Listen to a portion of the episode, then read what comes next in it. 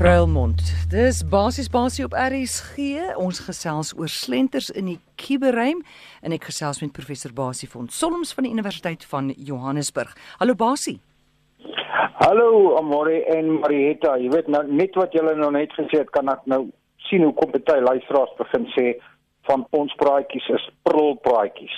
Dit dra nie werklik waarde by tot hulle nie en dit help hulle niks. So miskien is is dit 'n goeie woord om om om te gebruik. Nee, wag, jy praat nou nonsens. Kom ek vertel vir jou. Hier is 'n brief en ek het hom sommer hier voor, laat ek nou begin daarmee van Martie van Pietermaritzburg. Sy sê sy wil net vir professor Basie baie dankie sê oor daai praatjie oor kredietkaartbedrog. Sy sê was dit nie daarvoor nie, was sy met duisende rande verkil. Haar bank bel haar verlede week van die bedrogafdeling. Hulle hulle sê vir hoor iemand probeer jou kaart gebruik. Presies soos ons beskryf het, dan bel hulle en sê hulle is dit jou naam? Ja, is dit jou voor? Is dit jou Ja, nommer? Ja. ja. Is dit jou Ja. verval daar? Ja. Dan sê hulle hoor gee gou vinnig vir ons daai drie nommers agterop want ons wil die transaksie stop. Sy weier om dit te gee en toe raak daai mannetjie aan die ander kant so astrand. Hy gil op haar. Ja, ja. Toe ja. weet sy. HKGK. Absoluut. Maar ja. miskien is dit nie alles prulle nie. Ja, ja, dis nie alles pruil prulle nie, jy's reg. Hoorie Basie, vertel ons van die jongste navorsing eh, van die Amerikaanse Nasionale Instituut vir Gesondheid waar hulle navorsing gedoen het oor skermtyd. Die kinders wat nou so hmm. lank sit voor hierdie skerms, wat is die effek daarvan op hulle breine? Ja. Jy sien ons het al van tevore vinnig hierna gepraat, maar daar was nog nooit werklik 'n uh, uh, formele kom ons sê 'n uh, formele akademies gebaseerde navorsingsstudie oor die effek van uh, skermtyd op kinders nie. En hierdie nou, Amerikaanse Nasionale Instituut vir uh, Gesondheid het nou met so 'n studie begin. Dis 'n studie wat oor 10 jaar gaan loop. Hulle het 10000 of 17000 uh, 11000 11000 kinders tussen 9 en 10 jaar het nou, nou begin uh, so vroeër in hierdie jaar. So die studie gaan nou loop oor 10 jaar gaan ons die gevolge daarvan regtig sien. Nou hierdie studie is is werklik medies gebaseer. Die kinders begin, elkeen van hierdie 11000 kinders gaan deur 'n MRI skandering.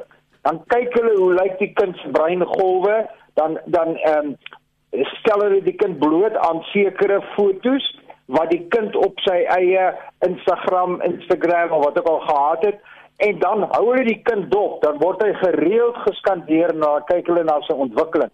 Nou ons gaan die die, die stroom afgevolge eers baie later sien, maar wat vreeslik interessant is en dis hoekom ek bly as jy noem dit is nou reeds hierdie studie is nog nie eens 'n jaar oud en hulle het al volge begin sien dat hulle byvoorbeeld sê kleuters tussen uh onder 2 jaar moet totaal weggehou word van skerms. Hulle sê die die gevolge daarvan is al klaar sigbaar. En vir hierdie 9 tot 10 jariges het hulle al klaar gesien binne die eerste paar maande dat die kind se breinontwikkeling word beïnvloed hoe meer skermtyd hy het. Hulle sê kinders wat tussen 2 en 7 uur per dag is besig om ontwikkelingsgewyse agteruit te gaan.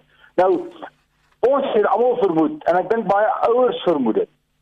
Maar hier het ons nou 'n wetenskaplike studie wat besig is en hulle gaan gereeld oor die volgende 10 jaar gaan hulle die verslae genereer ag uh, publiseer. Mense kan sien wat gebeur. Maar nou reeds binne 'n jaar mm. begin hulle reeds waarsku mense, ouers, die eerste 2 jaar hou jou kind weg. As jou kind in sy eerste uh, kleuterjare dan moet skermtyd hê doen dit saam met hom. Moet dit nie alleen doen. Jy weet hulle sê byvoorbeeld die kinders raak by mekaar as hulle op die skerm sien hulle met byvoorbeeld blokkies pak. Mm. dan sien hulle dit tweedimensioneel.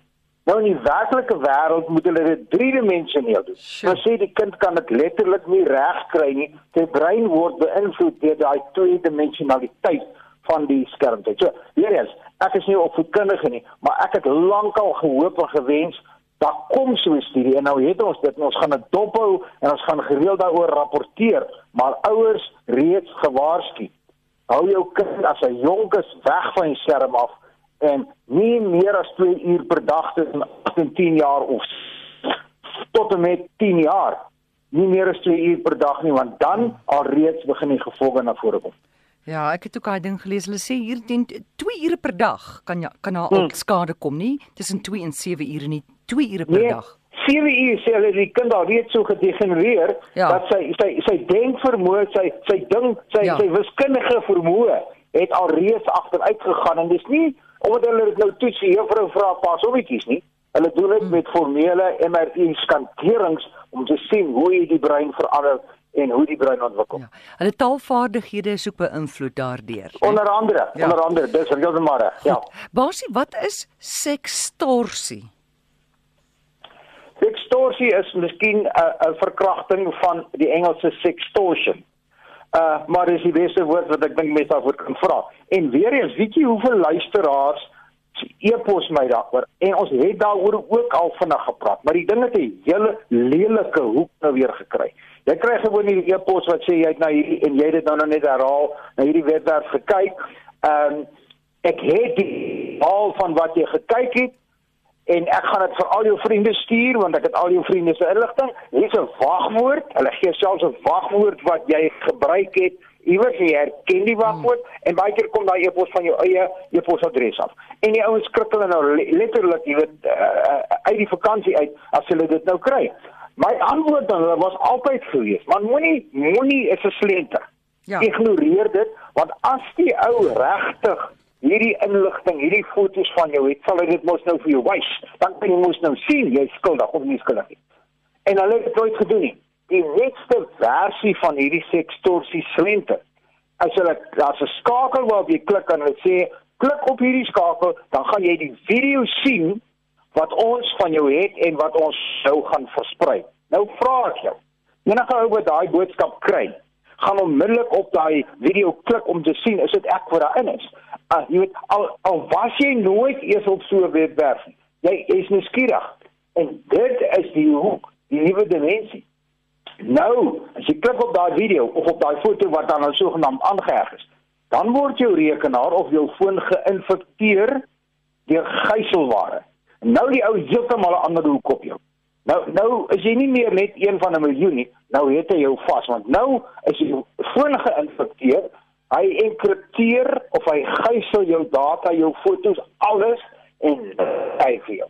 Betaal my soveel kripto geld eenhede om jou data terug te kry. Nou is jou data gegijsel, jou data is vas. Jy kan nie daar weer uitkom nie. Nou is jy in die moeilikheid. Nou is dit nie net meer die vermoede dat jy na 'n webwerf gekyk het wat jy weet jy nie gedoen het nie en daarom jy dit kan ignoreer nie. Nou het jy op daai skakel geklik, jou foon is geïnfekteer, hy is geënkripteer en jou data is weg en nou gaan jy betaal of jy gaan al jou data verloor. So wees versigtig. Die wenk vir elke luisteraar daarbo. As jy hierdie boodskap kry dat jy iewers op hierdie webwerf is, vat hom ignoreer hom net eenvoudig. Moenie eers nou gaan gaan klik nou en sien maar wat het hierdie ou van my nie, want dan skep jy 'n orde groter probleem vir jouself. Basie, hoe werk dit dat jou hond of kat se foto op 'n sosiale netwerk jou 'n slagoffer kan maak van kuberkraking? O, kom ons praat daaroor. Dit nie net jou hond of jou kat nie, hoor. Dit kan ook jou jou man of jou kind of jou vrou of jou jou jou, motor of wat ook al wees. E, e, baie van die sekuriteitsvrae, jy weet dit werk so dat as ek en jy aanteken na na webwerf toe op die internet of, of in die kuberruimte, dan kies ons 'n wagwoord. En dan wanneer jy registreer, vra hulle altyd vir jou, hoorie, ons weet jy gaan baie keer jou wagwoord vergeet. En ons wil jou help. Ons wil 'n soort van 'n agterdeur skep dat as jy vergeet wat is jou wagwoord, jou inteken wagwoord vir hierdie webwerf of dit nou 'n bank is of dit 'n betaalstelsel is en of dit 'n webwerf is of wat ook al of 'n speletjie, dan gee hulle jou 'n klomp vrae. Hulle sê kies uit hierdie vrae uit 3 en antwoord hulle. En nou wanneer jy dis nou na hulle toe kom en sê, "Hoorie, ek het my wagwoord vergeet."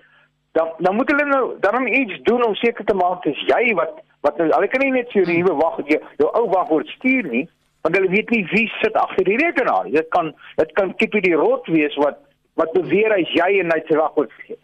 Dan kom hulle terug en dan vra hulle vir jou daai vrae wat jy dan nou toe jy geregistreer het aangepas het.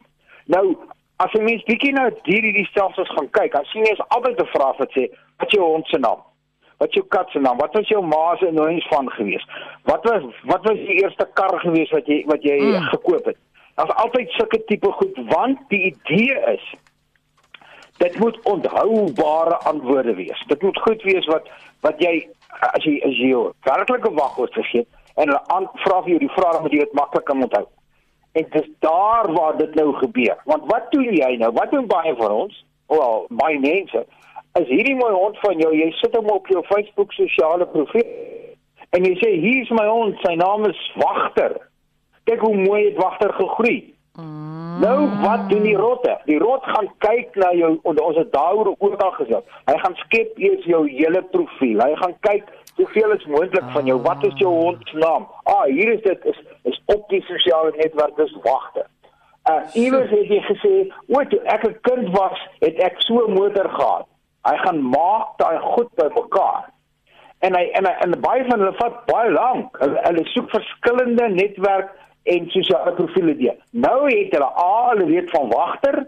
Hulle weet van daai volksie wat jy gehad het as jou eerste motor ensovoorts. En nou gaan hulle by jou bank toe of na waar ook al en hulle sê hoorie ek is uh, ek ek is Amorey, ek het my wagwoord vergeet. Ehm um, en die bank sê o ja, okay, kom ons maak seker as jy antwoord die volgende vyf vrae. Wat is jou eerste hond? tipies sê o, ek het uitgevind dis wagter, eerste kar is 'n volksie mm. en daar is die inligting wat jy en ek en meeste mense so vrylik deel op ons sosiale netwerk, het ons onsself kom in die voet geskiet want ons het vir die ouens gesê, want onthou hierdie antwoorde, eintlik maar nog 'n vorm van wagwoorde. Mm. So hierdie wagwoorde, die hond se naam, die kar se naam, daai goed is wagwoorde wat jy op op, 'n laer vlak nou gaan nodig hê en jy gee dit vir hulle op jou sosiale So wat is die boodskap? Weereens deel so min as moontlik privaat inligting. Want die rotte maak dit bymekaar en hulle gaan dit in jou gebruik. Basie, baie dankie. Wat sou ons nou doen sonder jou man? Ag, uh, uh, julle gaan minder minder pro gesprekke hê. Uh, miskien, miskien. Goed, Basie baie dankie. Ons praat weer volgende week. Dis professor Basie van Sonnoms en jy kan hom kontak by rsgbasie@gmail.com.